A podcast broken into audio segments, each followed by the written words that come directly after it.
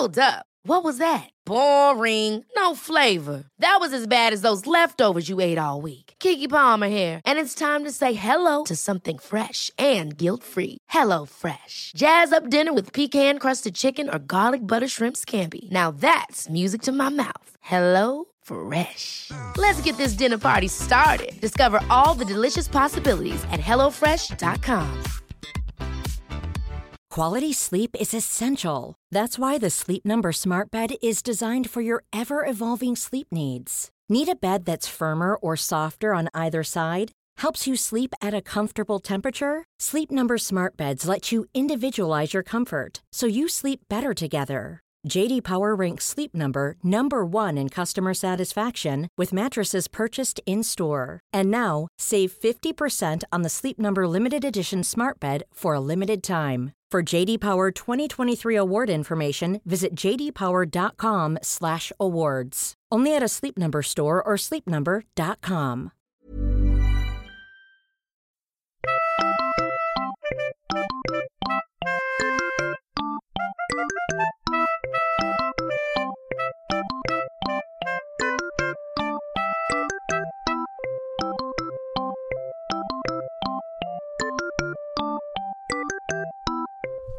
Hallå, hallå. Hallå, hallå, 1212. Ja. Vill du dra den gamla frukostrutinen?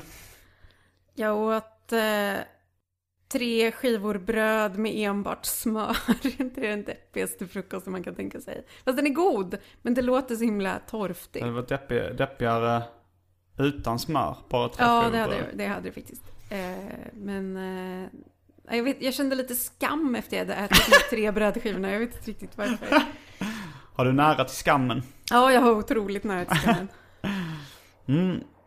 Nu säger vi hej och välkomna till Arkivsamtal. Jag heter Simon Gärdenfors. Det är en varm sommardag i juli och mitt emot mig sitter Hanna Fahl. Hej. Välkommen hit. Tack. Det var någonting som lät lite konstigt utanför mitt fönster. Jag vet inte vad det var. Kanske Eh.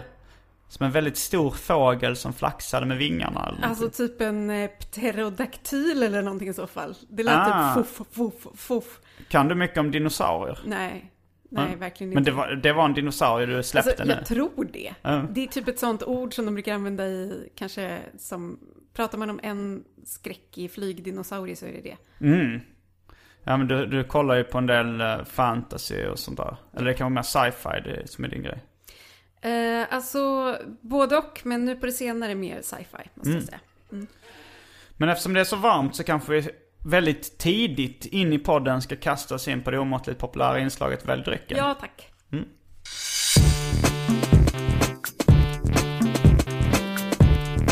Jag tror vi börjar med det fasta inslaget Välj drycken! det är en imponerande lista om jag får säga det själv. Eh, vi har eh, Budweiser 3,5. Vi har citat dagens, slutcitat. Uh, vilket man kan dela upp i dess beståndsdelar. Vitt vin av märket La Roi. och 7-Up. Sen har vi Dry Martini. En dryck man kan dela upp i deras beståndsdelar. Martini och gin. Sen har vi Baileys. Sen har vi Caribbean Crush. Och då undrar du förstås, vad är Caribbean Crush? Var inte den här läsken vi hade på jubileumsavsnittet? Nej? Det, Det det var nog någon ingen konstig- som valde den i så fall. Eller så, var, eller så fick jag två flaskor jag valde någon konstig karibisk, men det kanske var någon sorts karibisk Fanta av något Ja, slag. det var en man från eh, Storbritannien som skickade massa karibiska drycker till Ja. mig. Men det, eh, Caribbean Crush är alltså kolsyrad eh, grapefrukt, mango och ananas smaksatt läskedryck med socker och sötningsmedel. Mm. Och för tråkmånsar och nejsägare, vatten. Jag väljer en dagens, tror jag. Jag tror också jag gör det faktiskt. För det, det känns som en somrig, svalkande dryck. Alltså det här är, obs, det här är beyond somrigt. Det här Mm. är, eh, Tropical. ja, det är precis. Kan man få lite, nej kan, man får inte välja två. Jag tänkte fråga om man får lite, lite tropical crush vid sidan av. Absolut, du, man får välja två. Det, Mm. kan- det är en liten uh, klausul som inte många känner till i väl drycken. att man får egentligen välja mer än en dryck. Alltså jag är imponerad av att du överhuvudtaget har dryck. Men det är i och för sig, för senaste gången vi sågs var Mm. jubileumsavsnittet. Det kändes som vi drack upp eh, eventuellt allt som någonsin har befunnit sig i ditt Jo, det var mycket. De bespottade dryckerna Vira Blåtira och eh, Coco Bahia försvann då. Ja, det var Men, en eh, episk kväll. Men ja. eh, mm, dagens och en side order av Caribbean Crash Talk. Ja, men det låter jättebra. Då är vi strax tillbaks med dryckerna kända från det omåttligt populära inslaget Välj drycken.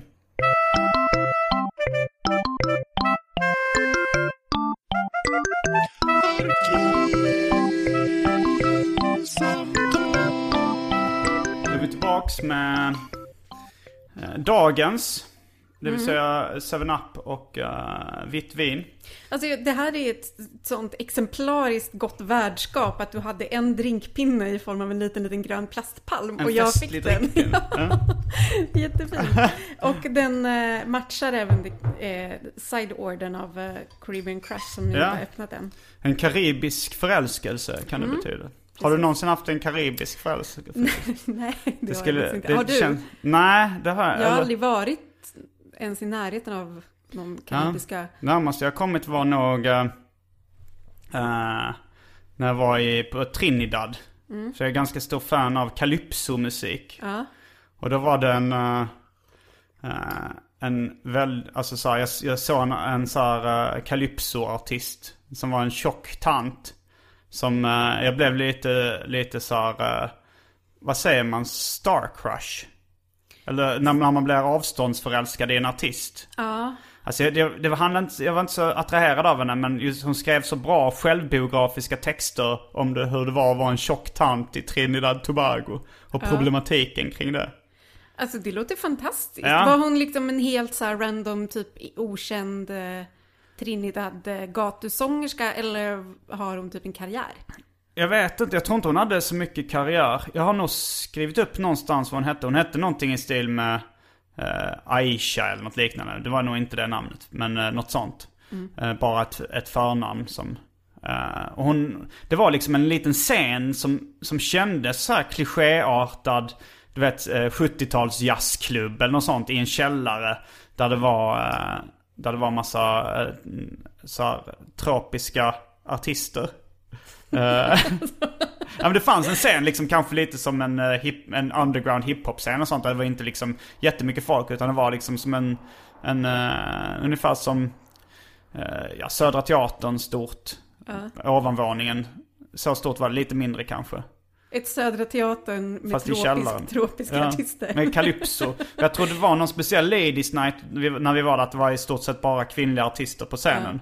Men eh, det var rätt spännande. Så Men vad då- var det som fångade dig hos den uh, tjocka karibiska damen? Det var nog hennes, alltså den självbiografiska styrkan är jag rätt förtjust i.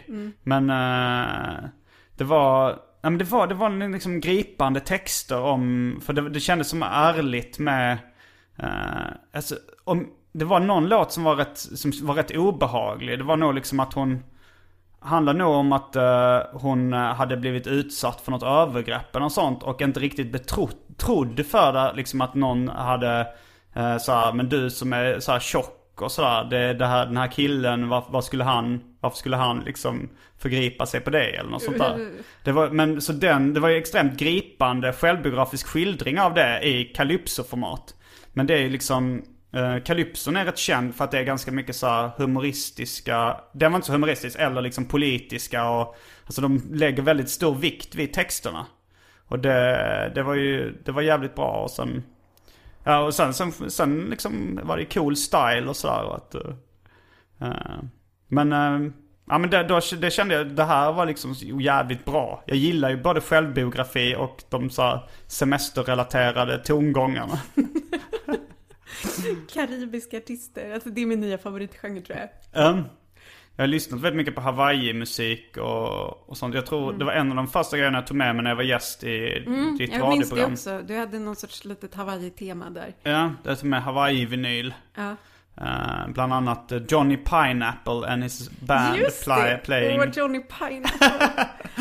Den Alltså, jag- tjocka gubben som hette Johnny Ananas. Jag minns det här som ett väldigt härligt avsnitt av Jo. programmet. Ja, men det blir ju väldigt uh, mysig stämning när man sätter igång uh, Hawaii-musik. Mm.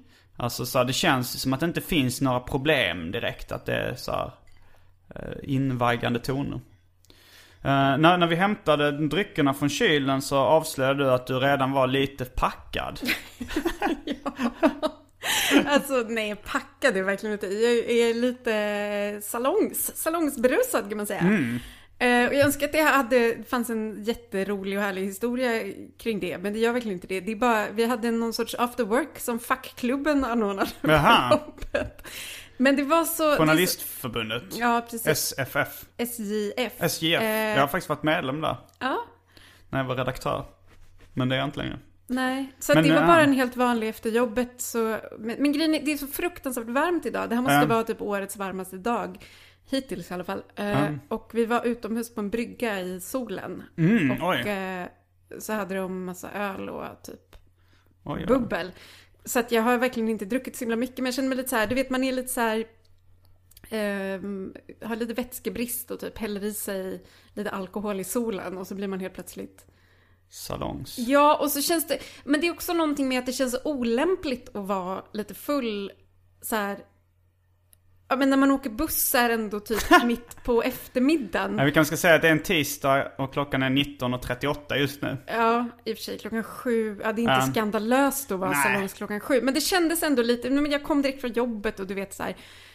eh, Så jag försökte skärpa mig lite på bussen till och med. Så Mm. Oj. pass, så pass salongsig är Men det jag. var en AV av något En helt vanlig AV-träff.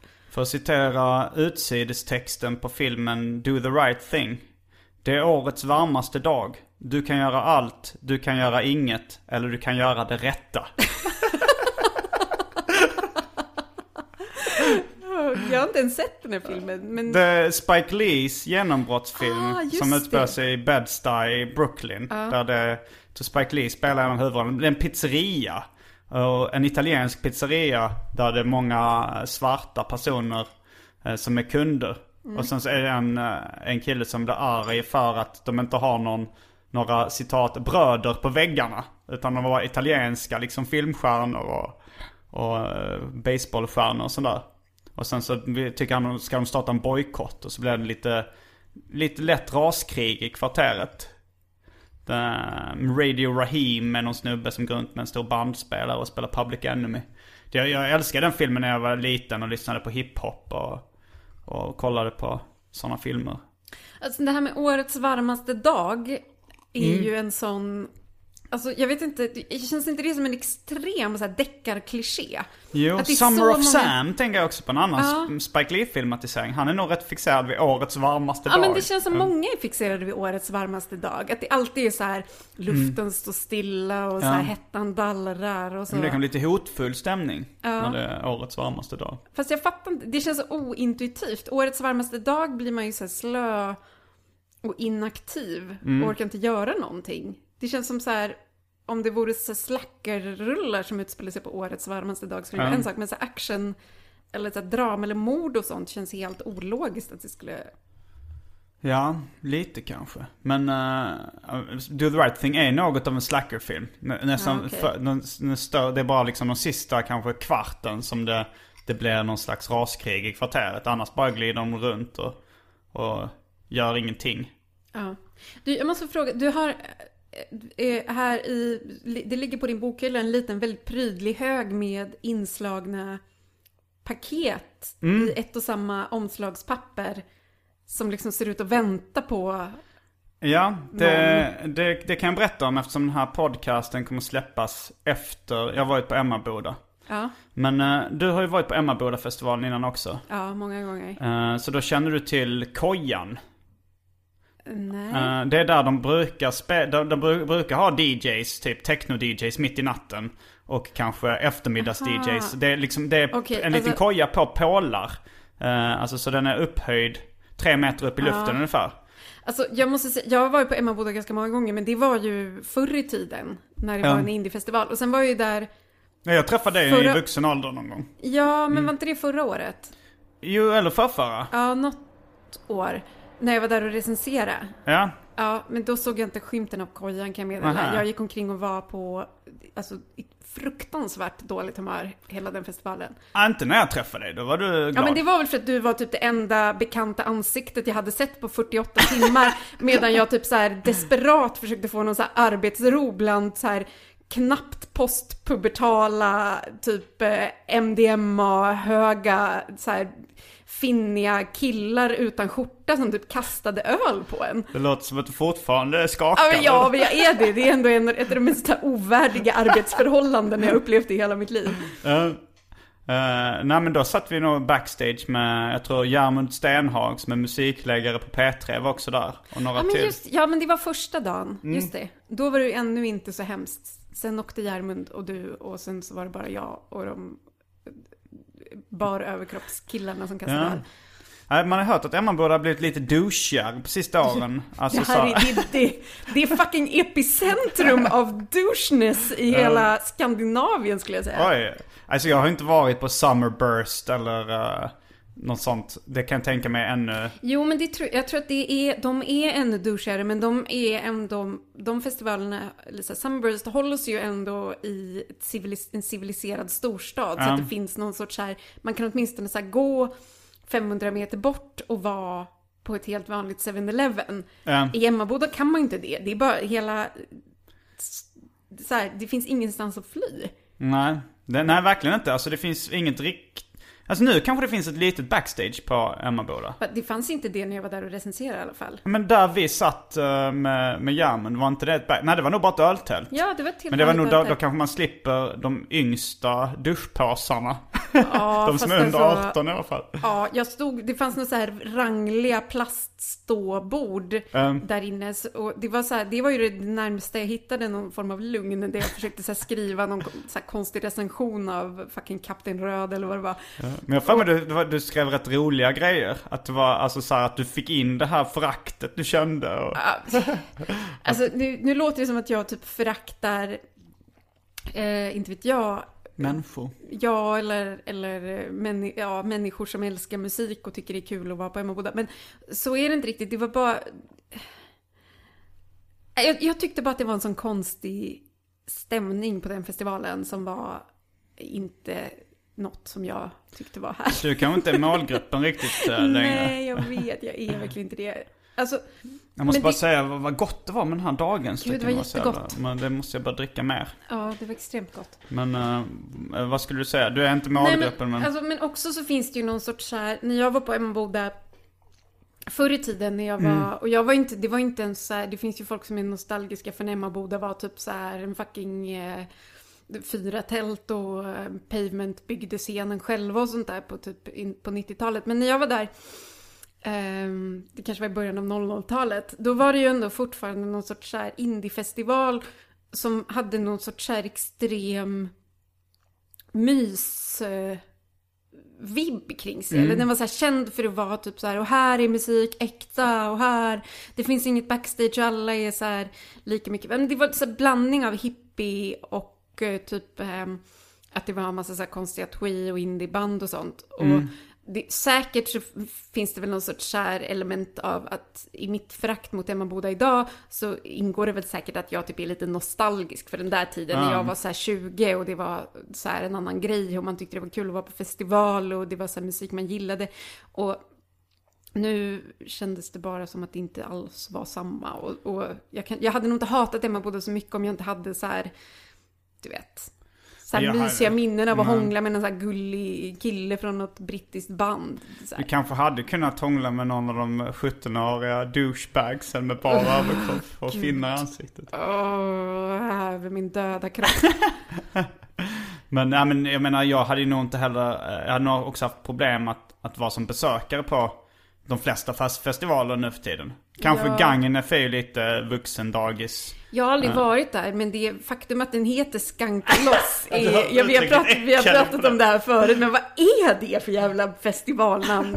Det är så Ja. vidrigt. Men vad är skank? Jag vet så här, inte ens vad skank, det det är. kan väl betyda en, en, alltså dels tror jag det är någon jamaicansk dans. Ja. Eh, och dels är det väl en, en risig kvinna. En så, så här nedsättande för skank.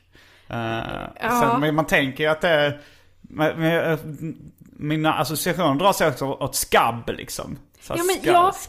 med att det är så människor som verkligen inte har så här Ja men låter sitt hår rena sig självt och typ... eh, typ Och det är eh, roligt att du kan bli så äcklad av ett ord som du inte riktigt vet vad det betyder. Men det är bara någonting i uttrycket som får mig att... Jag, jag känner bara att jag aldrig någonsin vill, vill citat, skanka loss. Men visst, den är säkert jättemysig. Eh, Men, men, men du har väl ändå varit, har inte du spelat på Emmaboda ganska många gånger nu? Jo, det har jag spelade förra året med far och son. Och nu i år ska jag spela här som eh, soloartist. Mm. Ja. Och det för oss tillbaks till de här mystiska paketen som ligger inslagna. Just det, det var dit vi skulle komma. Ja. Förlåt, det här är min salongsberusning som Ja, nej, men eh, det, det här är sidospårens högsäte, Arkivsamtal. Mm. Välkommen. Eh, men då, jag ska spela i kojan. Det är alltså, en- det är alltså en koja där man står eh, två, tre meter upp i luften. Och publiken liksom hänger nedanför och dansar och... Gud vad praktiskt, man behöver liksom inte interagera Nej. någonting med... Jo, men de ser ju en fast lite Jo, högre jo, men alltså, ja. En vanlig scen med kravallstängsel brukar man inte behöva integrera, ja interagera fast så jättemycket så här. Tre meter upp i luften är ändå en skyddad Ja. plats. Ja. Men då så tänkte jag, vad ska jag göra för kul överraskning till den här eh, spelningen? Och då kom jag på det gamla barnkalastricket fiskdamm. så jag har köpt ett fiskespö. Eh, någon slags eh, eltejp, gaffatejp. Eh, och eh, slagit in lite serieböcker och skivor och sånt där. Så tänkte jag, så har jag en liten sån här tivoli-musik. Och så ska jag ha en paus då i spelningen när det är fiskdamm. När jag vevar ner paket från... det är någon sorts omvänd fiskdamm. Du vevar ner dem istället för att de... de kastas över ett skynke. Ja, precis. Ja. Men alltså jag tycker att du borde även kräva att de som tar paketen måste eh, skicka tillbaka något annat på metspöet. Är inte det kul? Fast det är nog rätt svårt ordnat. De måste de ha med sig tejp och... Nej men vadå, men okej, din, vissa av dina paket är lite för stora, men annars är det klassiska att man har en klädnypa som man eh, Ja, s- knyter fast. ja, det du är det skulle kanske, kunna ha men- en sån, men kläm, jävlar, en va? sån, vad heter det, en sån dokumentklämma eller vad heter det? De är Men klädnypa, jag hade glömt att det var, eh, att det var det man gjorde liksom. Ja. Men det är, det är nog rätt smart. Jag tänkte mer att jag tar silvertejp och så får det hänga fast i det och sen bara drar de ner det. Men du vet såna här klämmor som man har vad är termen för den här typen av klämmor? Förstår du vilken jag menar? Som Mm. Jo, men som ganska metall starka? och ganska stark, Ja, som- precis. um. En stor sån skulle du kunna ha. Och så får de ge tillbaka någonting. Det är en de bra som tar idé. paketet får skicka tillbaka något. Ja. Det är jättekul. Ja. Kul för alla. Det är, det är väldigt kul. Det var, det var någon gång, jag tror det var när vi var med Las Palmas på, eh, på, på, det kan ha varit Emmaboda, när det var upp, någon som kastade upp sin mobiltelefon eh, på scenen. Vilket känns jävligt konstigt. Så här, varför? Man tänkte så här, ah, okej vill du att jag ska ringa dig? Men det hade något som har gått snett i huvudet. Vad, vad, vad gjorde ni med den? Eller hur? Jag kommer inte ihåg hur, vad vi gjorde med den om vi lämnade in den till eh, Lost and found avdelningen eller något sånt där. Eller om eh, någon, någon fick tillbaka Ni den. lär ju ringt åtminstone tre, fyra, tre till fyra eh, 34 samtal. samtal. Eh, ja, det här var Var ganska länge sedan, jag kommer inte ihåg det. Men det var någon, det var någon spelning med, med far och son där vi, där vi sa till folk så här först att innan spelningen att ni får inte fota och filma den här spel, äh, spelningen. För det var, det var då när vi, när vi skulle, eh, när Hitler skulle knulla kungen på scenen. och då tänkte vi att det skulle vara, det skulle vara tråkigt om det kom upp på YouTube under vår turné. Vi ville att det skulle bli så här exklusivt. Ja. Och sen, eh, och sen sa vi så här, men så vi, vi kommer sno mobiltelefonerna från de som eh, fotar eller filmar. Och så var det folk som började såklart fota och filma. Och vi medan vi rappade så snodde vi åt oss massa mobiltelefoner.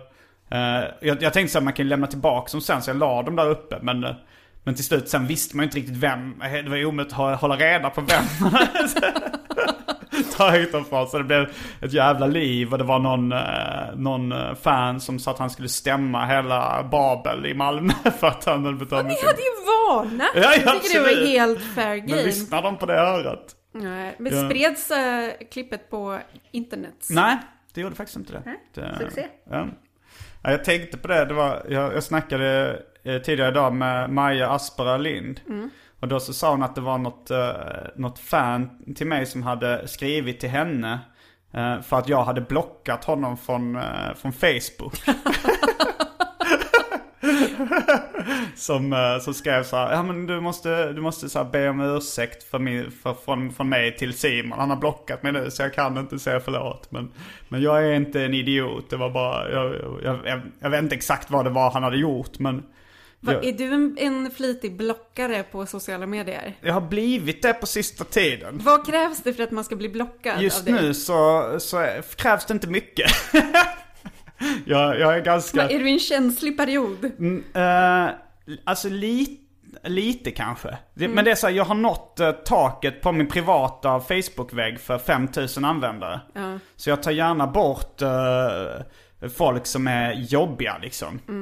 Och, och ifall man tar bort någon och inte blockar dem, då börjar de, blir de ännu jobbigare. Och skriver äh, tål du inte kritik? Bla bla bla. Eh, men, men sen så var det eh, vid något tillfälle, det var någon som skrev eh, till mig så här, vill du teckna, det var något uppdrag att teckna. Jag är kompis med, och jag ville inte ta det då för att jag hade annat för mig. Men jag har ganska många kompisar som tecknar och liksom folk som på Facebook. Så då skrev jag så här, är det någon som vill ha ett tecknaruppdrag, eh, mejla den här adressen. Och så skrev jag då klart och tydligt så här, skriv ingenting i den här tråden utan mejla bara adressen. För jag tycker det är jobbigt att få så här notifications hela tiden för det är ganska Jag mycket. minns den här statusuppdateringen. Och sen var det direkt folk som skrev så här, "Åh, var det här man inte skulle skriva eller? Och då Alltså, blockade du dem? Då, då, då, alltså, efter ett tag så liksom så... Eh, efter ett tag så började jag ta bort folk som vänner som, som skrev, eller jag började ta bort, jag skrev så att jag har just tagit bort den här eh, personen. Och sen, ja, och sen började jag blocka dem när de var så här, "Äh, du, du har ju sagt att du gillar tom provokation. Åh gud! Det är den lamaste provokationen som någonsin har existerat. Han sa att jag inte skulle skriva en Facebook-tråd, nu gjorde jag det. Och vad är det för typ av, vad är det för så här, icke-subversivt beteende? Ja, de förtjänar att bli blockade. Men alltså, men fem, du har alltså typ eh, godkänt alla som friend requestar dig på Facebook? Jag gjorde det fram tills, eh, och nu, nu så har jag väl lite mer att ifall det är någon, någon som jag lär känna, då blir de kompisar med mig. Men då tar jag bort någon som jag inte vet vem det är. Vadå, så en in, en ut? eh? Lite så är det. Men... eh, Men vadå, du bara 7000, det här är min... jag? Nej, men man får inte ha mer än 5000 vänner på en vanlig, som en vanlig okej, användare. ah, De har okej, dragit en aha, gräns okej. där. Alltså, för jag känner nu att jag är väldigt glad att jag inte... Du vet sen när Facebook var nytt så visste man inte riktigt hur man skulle göra med det. Ja. Men jag har ändå bara addat folk som jag typ, alltså inte folk jag känner kanske, men folk jag typ vet vem det är eller så har träffat någon gång eller så här, vet så här. Eh, och inte några andra. Men för att, och jag tror, jag tänker att det hade varit helt outhärdligt att ha om man hade accepterat alla som hade addat en på Facebook så hade det varit typ så här som så här helvetets getingbo av obehaglighet. Ja, nej så farligt är det inte. Alltså de flesta är ju rätt lugna liksom. Jo Och- men lugna men bara att stå ut med så här detta oändliga flöde av människors ointressanta privatliv. Det är okej med människors ointressanta privatliv när det är människor man ändå har någon typ av Jo, så här men man kan ju dölja dem som man... Jag döljer ju dem som jag inte känner. Så att jag får ingen info om dem i mitt flöde. Ja. Uh, ledsen att avslöja det här alla, alla fans som, som är kompisar med mig på Facebook. Ja, har du döljt mig? Nej, nej, nej. Jag är i och för sig den tråkigaste Facebook-närvaron ever. Jag skriver typ aldrig någonting och gör Eh, någonting. Jag kommer inte ihåg så mycket som dyker en upp. status. Nej. Men följ mig på Instagram istället eh, nu. Det är nog, där finns det inget övre tak. Men At alltså det här är så intressant. För jag har någon sorts så här, okej, Facebook har jag ändå, men säg att jag har kanske 800 Facebook-vänner. Ja. Det är ändå ganska många, men det är ändå så här, jag har inte varit, jag har haft lite urskiljning har Det finns ju många folk. som, är, som inte är offentliga på något sätt som har tyvärr 3000 liksom. Ja men precis. Så att jag har ändå så här, jag har ändå valt lite grann. Det är inte så här att jag har 800 nära vänner, men Nej. så här, jag vet typ vilka alla är. På Twitter så är det, är, får ju vem som helst följa. Mm. Det är helt öppet. Men på Instagram har jag, har jag ett så här låst konto. Ah. Där bara folk jag verkligen känner Mm. blir godkända. Men du har alltså ditt Instagram som någon sorts så här... Reklamkonto. Fri- Nej men, ja. ja. men jag, jag vet inte, jag publicerar ju lite skämt och, och lite reklam för mina gigs och sånt där på Instagram. Ja. Men jag vet, men för att ganska många jag känner tycker, håller med mig om att Instagram är så här, på något sätt är lite mer så här intima, privata, så alla är snälla.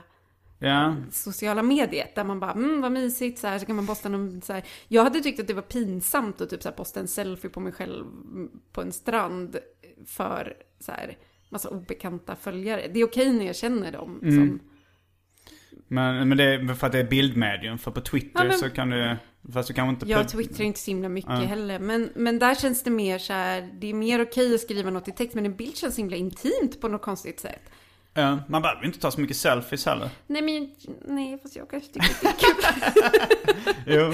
Ja men, då- det är då- någonting med så här, jaha varför skulle det här, jag är ju så dålig på att ta bilder också, bara varför skulle Ja. det här vara värt att spridas till de här människorna jag inte känner? Nej.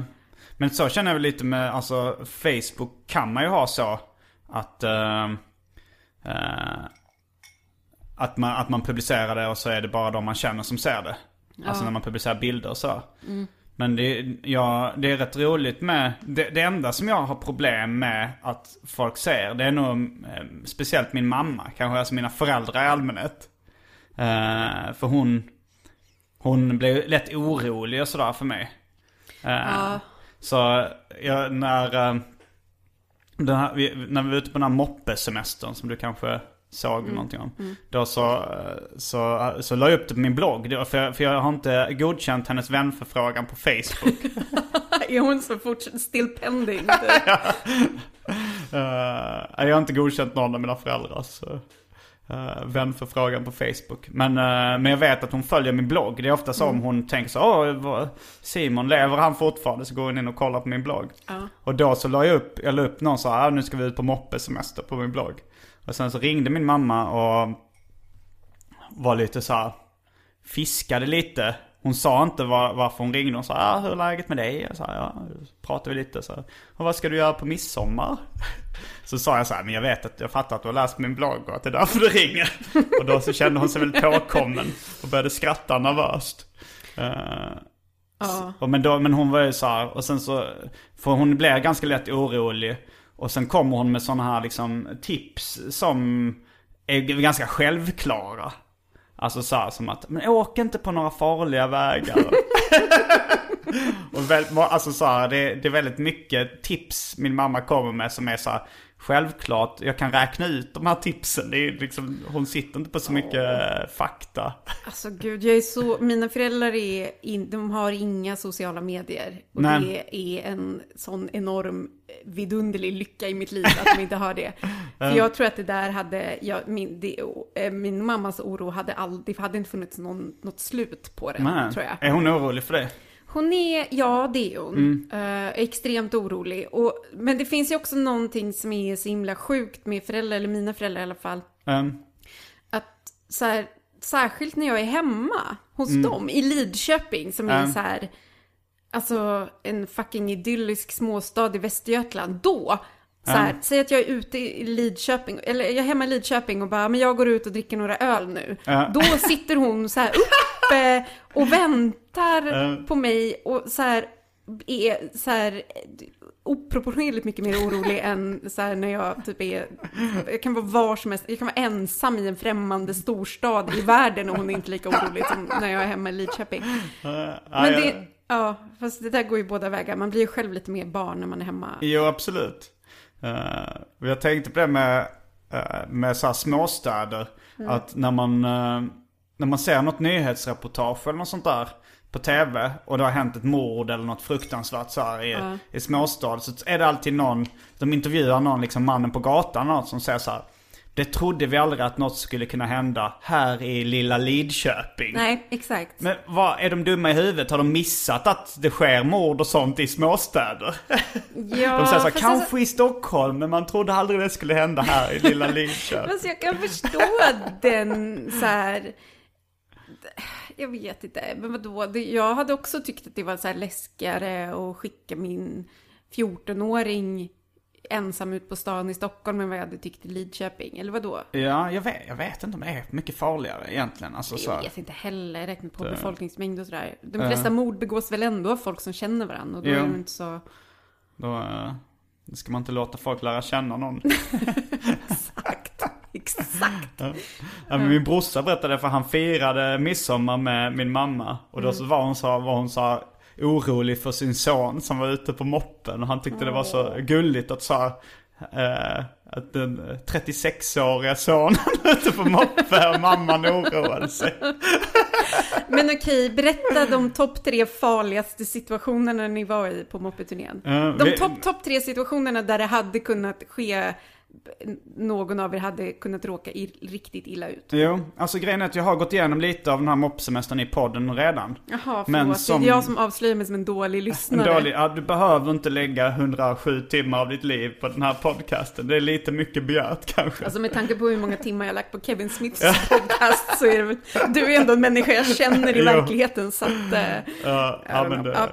Det, Men okej, redan en gick ni, podd. gick ni igenom de tre farligaste situationerna? Det var tre rätt, eller så här, de, i alla fall eh, två väldigt farliga situationer. Mm. Dels när vi hamnade hemma hos en man med, med hakkorsflagga och jättemycket vapen. Som började skjuta Frej med kolsyregevär.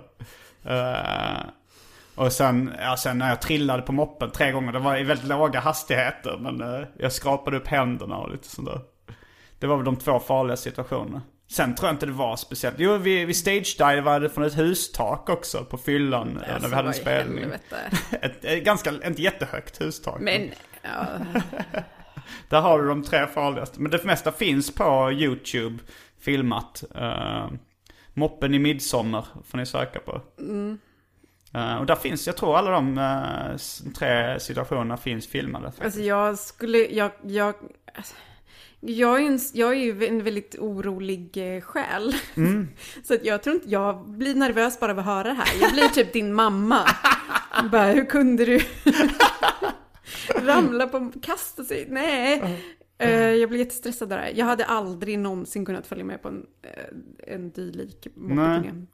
Men du har ändå börjat resa lite mer, alltså när, när vi lärde känna varandra i inspelad form i Radiohuset. Ja, då... då- så sa du att du skulle aldrig kunna tänka dig att och kuska runt och resa och sådär.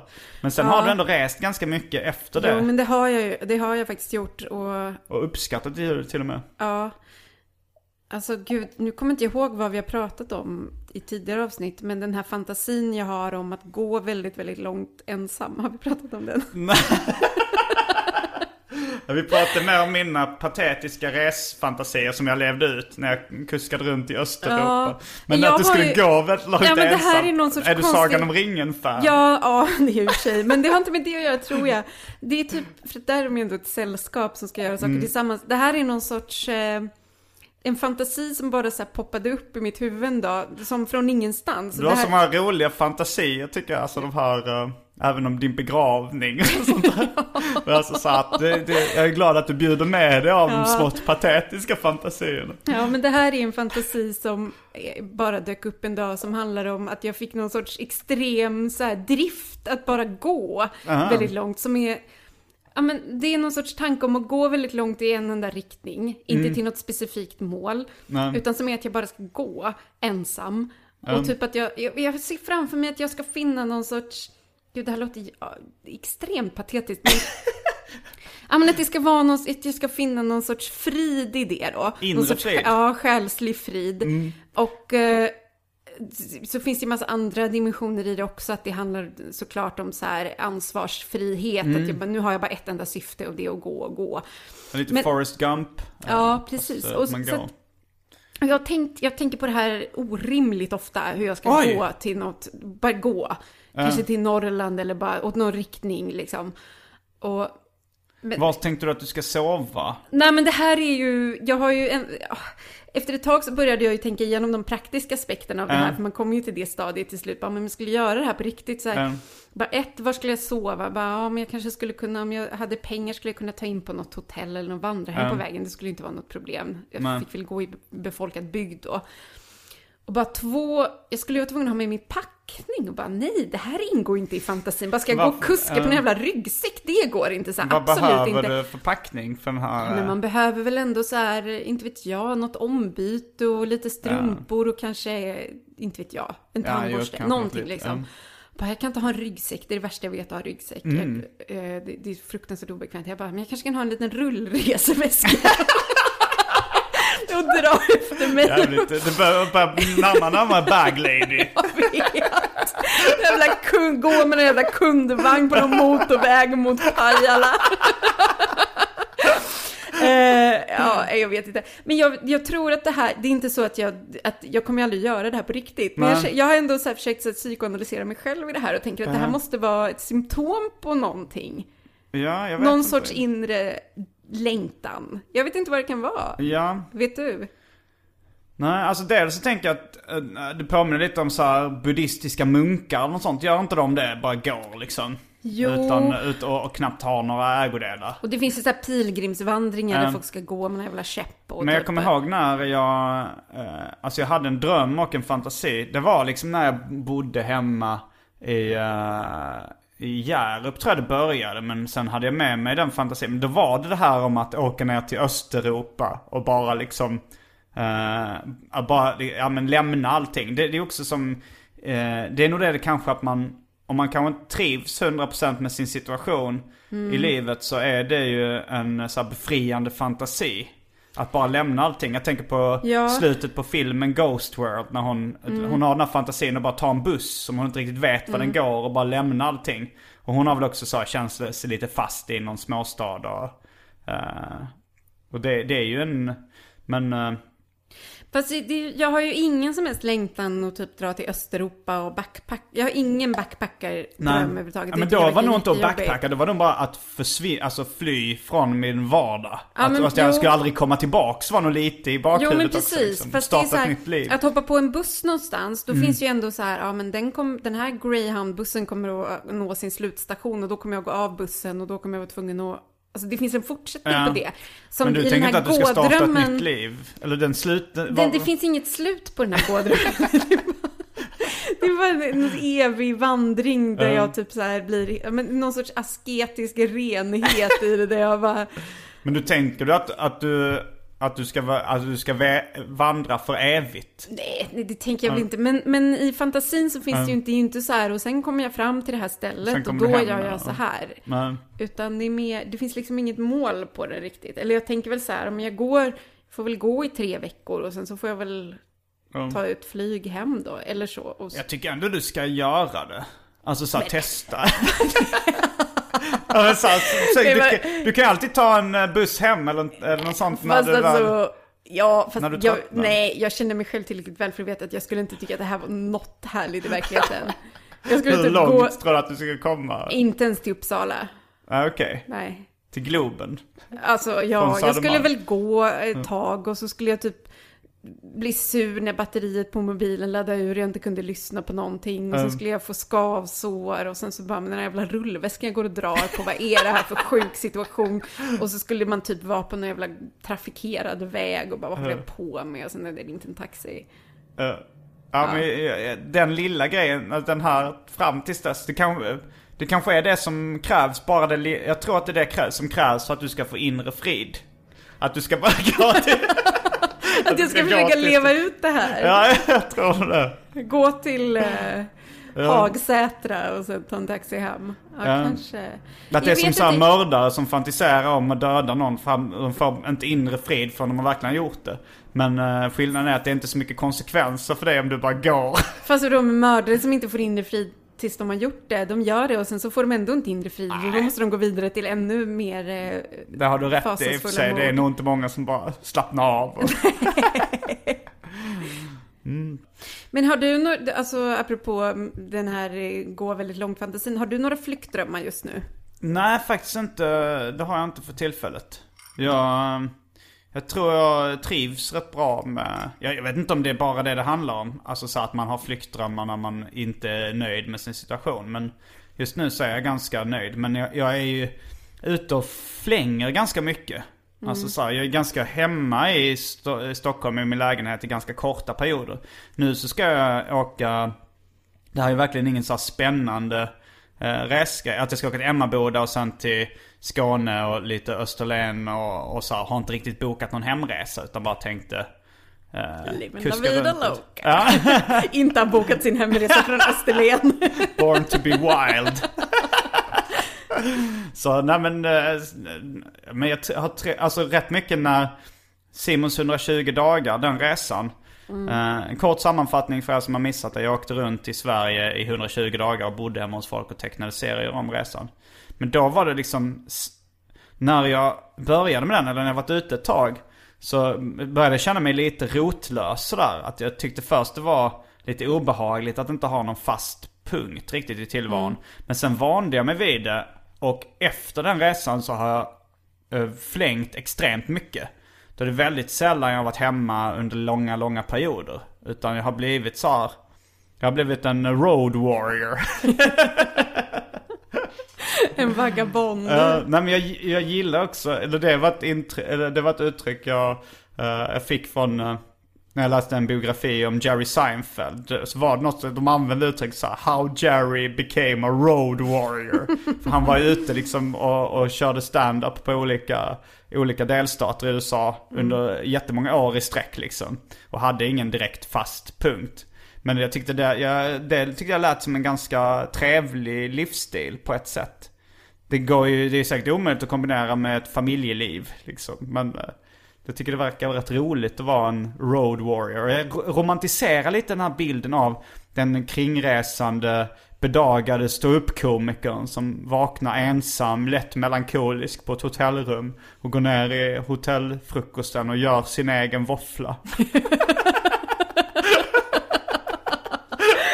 Ja, jo, jo, jag kan verkligen förstå det. Jag har ju också den här handelsresande, jag romantiserar ju det livet också lite. Ja. Jag tycker det är väldigt härligt när man bor på hotell ensam och är ute på något uppdrag. Liksom. Men det är också, men det är precis som vandringsdrömmen. I verkligheten är det ju aldrig sådär härligt. Nej.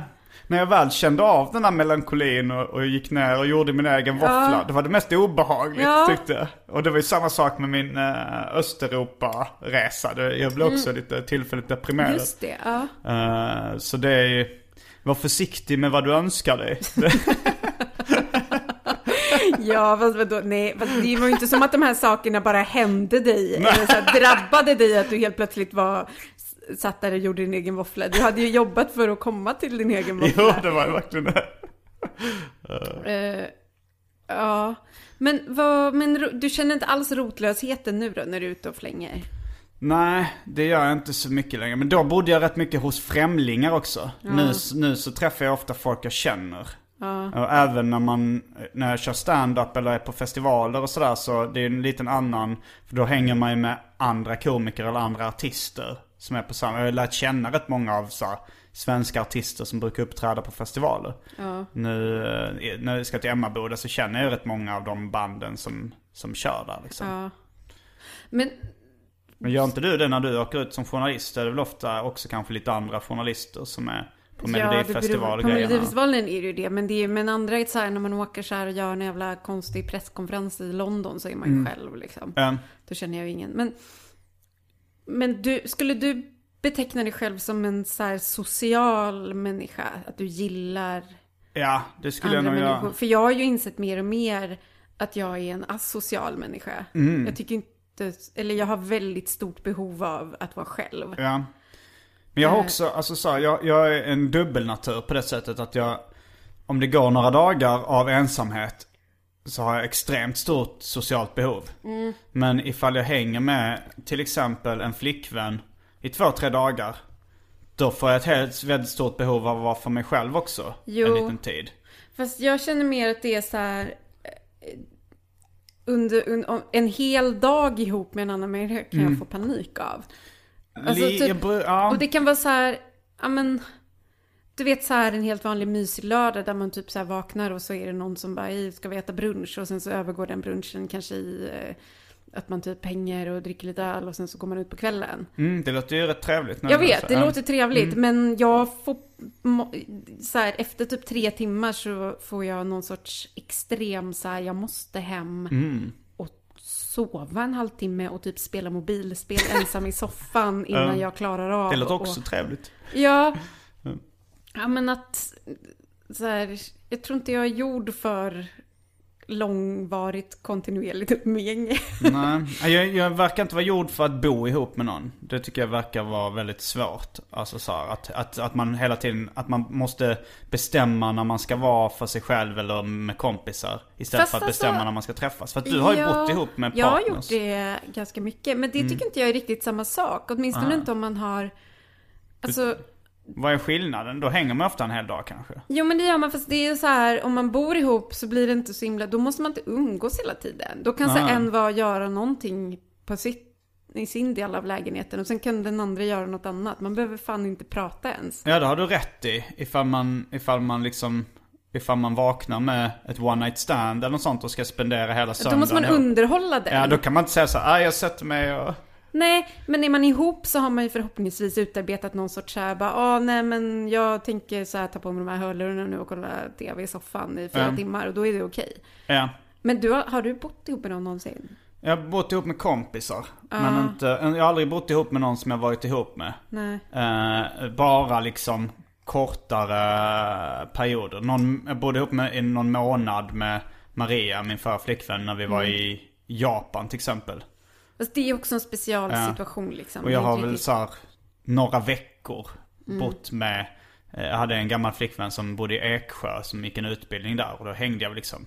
Men då var ju hon i skolan och, och så, så att jag fick rätt mycket tid för mig själv då i alla fall. Mm. Plus att det blev jävligt mycket bråk kommer jag ihåg. Ja, jo men det. det är klart att, jo men det är jag, just nu så känner jag ju så här att jag absolut inte är sugen på att bo ihop med någon just för att Mm. jag känner ett sånt enormt behov av typ att vara själv. Mm. Men med det sagt så är det ju verkligen, jag tycker att inte alls att det är lika jobbigt att bo ihop med någon och vara så här hemma med den en dag Men, som att typ ha här, någon sorts uppstyrt umgänge på stan. Det tycker jag är mycket mer så här krävande på något sätt. För då måste man vara så här... Det finns inget utrymme att typ pausa och bara okej nu tänker jag vara tyst ett tag. Det går liksom inte. Man måste Nej. vara så här social exakt hela tiden. ja, men jag kommer ihåg när jag var liksom runt 20, eller 21, 22. Då, då, då var det rätt ofta så att liksom vi var små gäng och kanske hängde hela dagarna. Så gick man ut och kanske på någon bar på kvällen och sen sov man och, och liksom, det var, jag minns det som ganska trevligt. Jag fick inte så jättemycket jobb gjort. Vilket, eh, vilket jag nu liksom lägger mer fokus på att få saker gjorda. Jag skulle inte kunna klara av riktigt det här slackerlivet för att jag har blivit för pretentiös på något sätt. Alltså i, i, att jag vill få mycket grejer gjorda. Men, men jag kommer ihåg det var rätt mysigt. Så här vaknade man upp lite bakis och tog en balansöl och sen hängde vidare. En, ba- en balansöl. Ja, det är ett uttryck jag använt väldigt mycket på sista tiden. Det, det kanske är bara en eufemism för återställare egentligen. Ja, att okej. man, Ja. man äh, återställer balansen med en öl. Eh, Ja. Jo. Men jag har skaffat så jävla mycket rutiner också nu. Alltså sådana här. Jag har blivit en, eh, en väldigt så rutinpundare. Att jag så här, jag går upp på morgonen och så gör jag liksom ett visst antal armhävningar. Vill du, hö- vill du, ska jag vandra dig igenom en dag av mina rutiner? Eh, Ja, absolut. Gör det.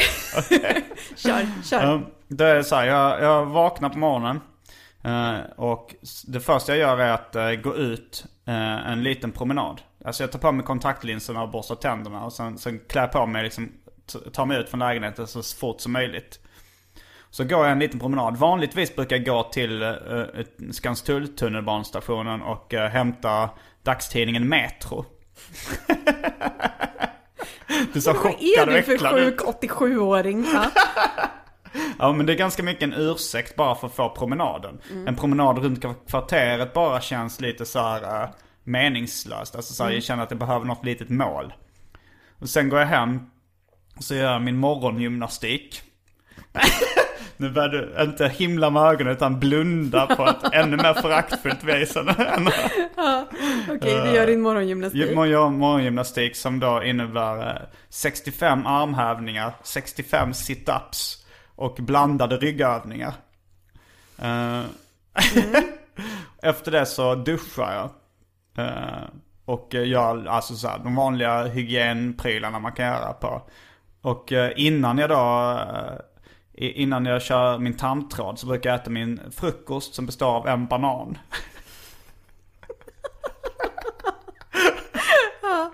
Och sen, eh, och sen så när jag då har, eh, eh, är klar med de rutinerna så sätter jag mig ner vid datorn. Och snabbt kollar igenom lite så här Facebook och Twitter, Instagram. Bara för att liksom, det är ganska mycket för att om det är typ någon som har postat något jättepinsamt på min vägg så måste jag ha koll på det liksom. Det är väl länge sedan det hände men det, det, det känner jag ändå så här, men nu måste jag ha koll på det. Sen, sen kommer eh, morgonens viktigaste del. Det är att skriva ett skämt. Jag skriver ett skämt varje dag. Sju dagar i veckan. Och jag har gjort det i, eh, i över två år utan något undantag. Här sviker orden Hanna. Ja, vad, men vi, vad, är det något syfte med skämten? Ett skämt till din ståupprutin eller bara ett allmänt skämt Men Det eller? brukar börja bli skämt till ståupprutin. Men alltså det var när, när jag var klar med Död kompis så bestämde jag mig att jag skulle fokusera på humor. Men, eh, men de skämten jag skriver har jag använt i radioprogrammet Specialisterna. Jag har använt det i stand-up. Kanske till och med till någon låttext någon gång eller Vad, sånt där. vad var dagens skämt? Fan alltså jag, jag glömmer det ganska, ganska snabbt. eh, samtidigt som jag skriver det. Plus att jag gillar inte riktigt att, att berätta skämten på det här Jo, sättet. Kom igen, Att- du, må, dagen, du, klart du kommer ihåg dagens skämt. Alltså jag kommer, jag kommer faktiskt inte ihåg det spontant i huvudet. Men eh, om jag tänker efter lite. Jag, kan, jag kan gå och hämta min anteckningsbok, min humordagbok. Där jag har skrivit, idag skrev jag ett skämt om bla bla bla. All, så, allt med det här är Vad, vad tycker du om det? fucking mindblowing. Ja. Mm. Ja, jag har märkt att folk eh, blir lite chockade när jag går igenom mina rutiner. Vad, vad står, får, får se framsidan på din... Det är en eh, japansk Ah, anpanman. Ja, jag vet allt om det eftersom Mm. jag har en halvjapansk eh, brorson. Ah. Mm. Eh, jo, det här var ju, det var ju en, en ganska så här, eh, det jag skrev idag, det var ju ganska, jag alltså, jag måste ju först uh, förvarna lite om att de här skämten jag skriver varje dag, de behöver inte vara bra. Nej. Eh, det, är bara, det viktiga är att jag får ur mig någonting så jag kommer in i liksom den här skrivmoden. Och det här skämtet som jag skrev idag, jag tror att det är en extremt lågt hängande frukt. Och en, eh, en sibirisk cykel också samtidigt. De här begreppen har vi gått igenom tidigare va? Uh, ja, nej. Uh, Lågt hängande frukter är sådana skämt som man... eh, som är lätta att plocka så att säga. Så det brukar väl folk som har... alltså du förlåt, nu, nu hällde jag precis utanför munnen. Det här är, förlåt, jag måste bara... Mm, alltså, då berättar jag. Lågt hängande frukt, ett skämt som många har hittat på innan för att det, det är liksom premissen eh, hänger där framför ögonen på en och bara... eh, Den är bara att plocka liksom. ja. Och, eh, och dagens skämt det var då, eh, ja, apropå nyheterna. Jag tror, jag tror säkert det... eh, och sibirisk cykel är då nå- något som någon har hittat på innan oberoende av någon annan. Men dagens skämt var ju det här... eh, eh, sit, om nyheterna och situationen i Gaza. Och att... eh, ja, jag läste i DN att så här, de skriver att man måste vara väldigt försiktig när man uttalar sig om det. Men så var det då att... eh, ja, för att uh, kom, ordkombinationen uh, Gaza och judar har ju varit lite kontroversiell tidigare. Okej, ja men det var ett ganska kul skämt. Jo, det- jag har inte hört det förut i alla fall. okej, jag bara tänkte det här känns för... Ja, men gör, för, när, du- när du säger det känns det ju eh, som en lågt hängande frukt. Men Ja. jag har inte hört det förut. Okej. Var det jag som glömde att stänga av min mobil nu? Det, det är nog första gången i världshistorien. Jag Efter alla dessa förmaningar till mig att Ja, jag måste jag stänga brukar, min... jag brukar ju tänka så här, folk som inte stänger av sin sms-signal. Hur lever de i sig själva? Ja. Jag tror jag måste nästan hämta den för att den kommer ju pipa igen snart annars. Men alltså det här är så, jag tror att ehm, så här utifrån så skulle man nog, om man gissade, skulle man tro att jag var den strukturerade och du var den som var Den flippade. Ja, så himla manjana och bara vakna, bara kanske känner för, eh, kanske känner för att röka en spliff nu och gjorde det. Typ så. Men du är ju den strukturerade, jag är, alltså min morgonrutin är så här, Ja. väckarklockan ringer en timme innan jag ska vara på jobbet. Jag, eh, o, utan undantag, eh, snosar i en kvart. Oj. Ja. Kastar mig upp, duschar, hinner nästan aldrig äta frukost, kommer till jobbet typ fortfarande nästan inte vaken.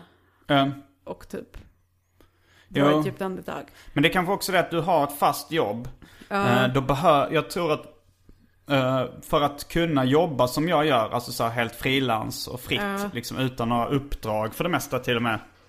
Så tror jag man behöver rutin och struktur för att inte bara att det ska rinna ut i sanden, ens karriär eller ens levebröd. Jo men säkert, men jag tror inte att jag skulle klara av och Nej. jag har ingen, ingen självdisciplin Nej. alls. Jag, kan, jag gör bara saker när någon står över min axel och bokstavligen över min axel och blir och jag vet att den kommer att bli gruvligt besviken och förbannad om jag inte gör det jag sagt att jag ska göra. Ja, så tror jag de flesta är faktiskt. Ja. Och, eh, och jag har märkt många som är sådana, eller som liksom inte klarar ha- av rutiner, som liksom har försökt sig på en frilanskarriär eller liksom en konstnärlig, en fri konstnärlig karriär. Och har misslyckats för att de får för lite gjort helt enkelt. Eh, sen finns det ju folk som lever som den här manana-inställningen. Alltså så, eh, Frey lever ganska mycket så. Och, eh, och jag läste någon Cornelis biografi. Han levde väl också så liksom. Bara att han inte hade någon struktur på sitt liv överhuvudtaget. Men jag tror att det lättaste sättet att, att kunna överleva som, som fritt skapande yrkesutövare är att ha väldigt strikta rutiner och, och, och sådär. ja, det tror jag också. Jag är djupt imponerad av, dina, av din morgonrutin. Ja. Som, det är inte, alltså det är, om jag är ute, om jag liksom är på, uh, ute och spelar någonstans eller är, eh, är i Skåne eller någon annanstans. Då gör jag inte exakt hela morgonrutinen. Förutom just skämtet har jag liksom, har jag nästan en promise ring i hjärnan. Att det ska jag fan för mig varje dag. Det behöver inte vara bra men jag ska få ur mig någonting. Eh, Så det gör jag, om jag även om jag är så här pissstressad eller asbakis eller något sånt så skriver jag ändå ett skämt varje dag. Men du har gjort det här i, vad sa du, över två år? Ja, jag började faktiskt med Så det du har innan. över 700 skämt. Ja. ja. Vi kan se här, jag har ju numrerat dem i min eh, Men i, din humordagbok. bo- i boken, är det bara skämt i den eller är det någon Nej, sorts... det här är dagboken. Det, egentligen så blev det bara att jag, alltså skri- skämten skrev jag i ett annat doku- ett dokument på datorn för att lättare Ja. redigera. Men det här är liksom humordagboken. Så det är dag eh, 755 idag. Så jag har skrivit 755 skämt hittills. Jag började Men med vad det innan. skriver du annars i den? Skriver du privata saker, typ idag är jag ledsen eller? Nej, den här så är det här är nästan bara humordagboken. Här är lite också planer på bara så här, nu där ska jag tecknat klart omslaget till min bok och alltså sånt här. Som en vanlig kalender. Eh, för Va, är, får, är det, får jag bläddra i den? Till exempel, eller är det för Det- privat? Det kan du nog få göra fast jag, jag kommer nog känna en, eh, en viss skam. Alltså det, egentligen så är det bara, här har jag skrivit vad, vad jag, för att ska jag vara helt ärlig så har jag ju en humordagbok på datorn också. Alltså, du har två humordagböcker? Ja, alltså jag, det är ju något fel på mig. Det är någon slags, det är inte en fullt ut- utblommad OCD eller Aspergers. Nej. Men det är någonting. Ja. Det är någonting, alltså jag är extremt fixerad vid listor och eh, ordning och reda och sånt där. Eh, så jag har en, en eh, fysisk och en, en i datorn. Och ibland skriver jag ungefär samma sak i båda. Ja. Jag tror, jag tror, okej du, alltså men, Får- men, men, man, okej, du men- får bläddra lite i det. Men där står det i och för sig bara, alltså jag kan ju läsa högt Nej, istället. men jag, kan inte jag, snälla. Okej, eh, här. Bjud på det här nu. Okej, det gör jag. ja, det är, men när man bara ser rubriken på skämtet så tänker jag så här, oj, det kanske verkar vara lite obehagligt. Dag 700 skrev ett skämt om sex och samlevnad. Ja, Dag 702 skrev ett skämt om pedofili och om att runka. Men det är någonting väldigt... Jag ser det OCD i att du inte heller skriver ut själva skämtet utan ja, gör utan en väldigt torr beskrivning. Och du skriver Nej. också... Jag, jag kan ju se humorn i det. När jag skriver, när jag, när jag själv har skrivit, skrev ett skämt om pedofili om att, och om att runka, då fnissar jag lite och tycker fan det här Ja, ser ja. roligt ut. Och jag har ju ändå kanske bilden av att någon kommer att hitta den här och att, att då tycker det är lite kul att det är så sjukt Ja. liksom. Ungefär Precis. som i eh, filmen Seven när de hittar hans anteckningsböcker. Du kommer ihåg den scenen? Ja, Att det, då känner man, man vill, jag vill kanske ge det lite galna intrycket. Men För jag det kan ju här- vara rätt stolt över min, min knäpphet också på något sätt. Ja, det finns en självmedvet självmedvetenhet i det såklart. Jag känner mig, fast jag känner mig ändå nervös nu när du läser. Men det är många som man blir ändå nyfiken på. Till exempel dag 717 skrev ett skämt om ironisk romans. Ironisk romans. Jag tror att det står det. Ja, ja men det var det faktiskt. Men det handlar om... eh, det handlar om att man, eh, att man inte kan vara så här romantisk eh, på, på, på ett traditionellt sätt utan att det känns som en parodi på det. Men du, du, får, du har ju fortfarande, du har sagt att du ska gå och kolla på när jag kör stand-up någon gång. Ja, jag har fortfarande Äh, inte gjort det. Jag vill nej. jättegärna komma, men det är bara inte... Jag vet Har inte inte. Du, post, du brukar posta det på Facebook, men då brukar det typ vara samma dag eller så här lite sent. Men, men vad det här... Vissa av de här är ju nästan typ som någon sorts konstig, bisarr poesi, vilket du säkert är fullt medveten om. Det men, vet jag inte. Så här, då, så här, skrev ett skämt om våldtäkt, skrev ett skämt om drömmar, skrev ett skämt om kokain och koncentrationsläger. Skrev ett skämt om kvinnor.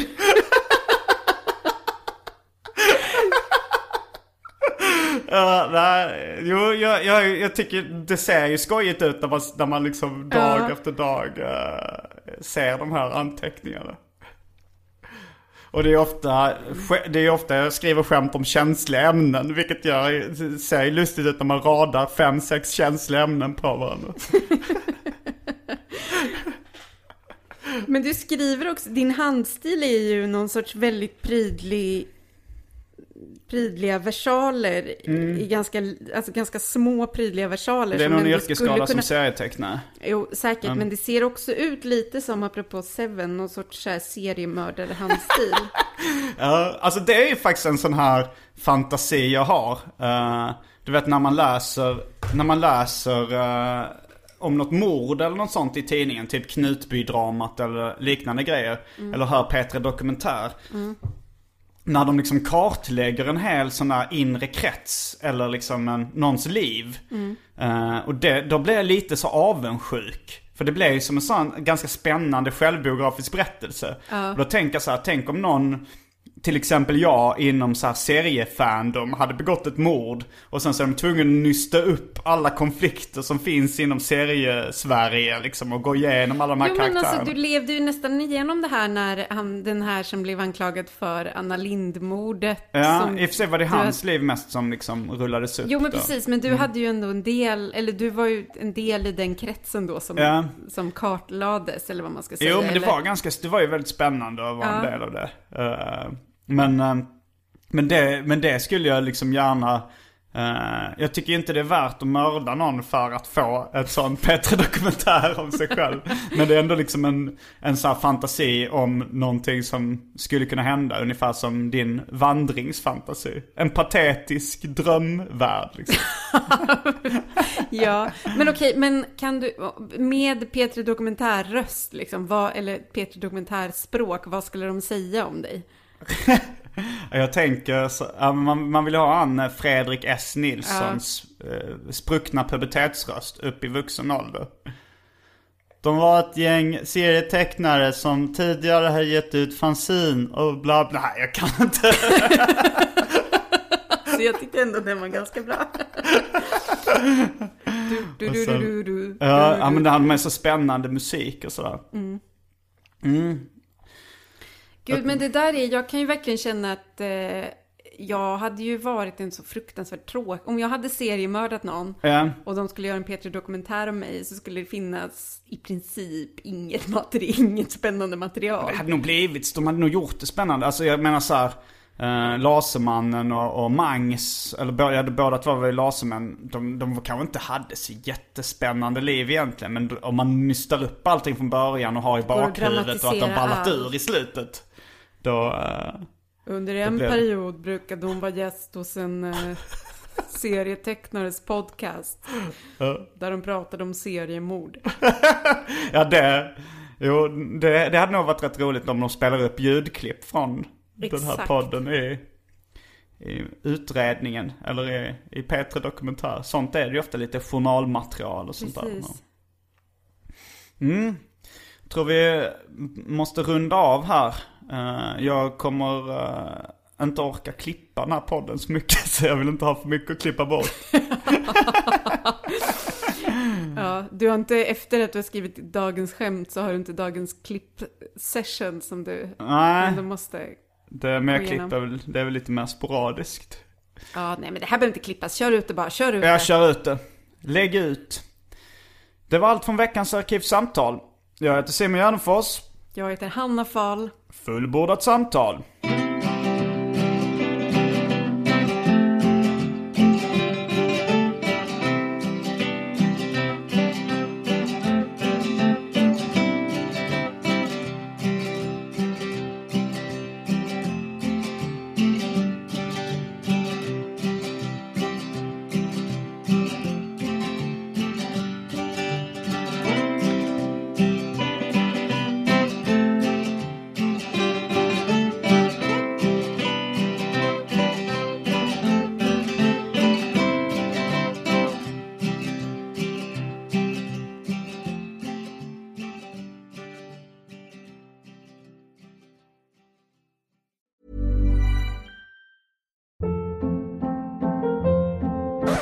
Hold up. What was that? Boring. No flavor. That was as bad as those leftovers you ate all week. Kiki Palmer here, and it's time to say hello to something fresh and guilt-free. Hello Fresh. Jazz up dinner with pecan-crusted chicken or garlic butter shrimp scampi. Now that's music to my mouth. Hello Fresh. Let's get this dinner party started. Discover all the delicious possibilities at hellofresh.com. Even when we're on a budget, we still deserve nice things. Quince is a place to scoop up stunning high-end goods for 50 to 80% less than similar brands.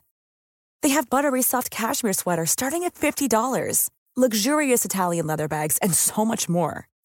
Plus, Quince only works with factories that use safe, ethical, and responsible manufacturing. Get the high-end goods you'll love without the high price tag with Quince. Go to quince.com slash style for free shipping and 365-day returns.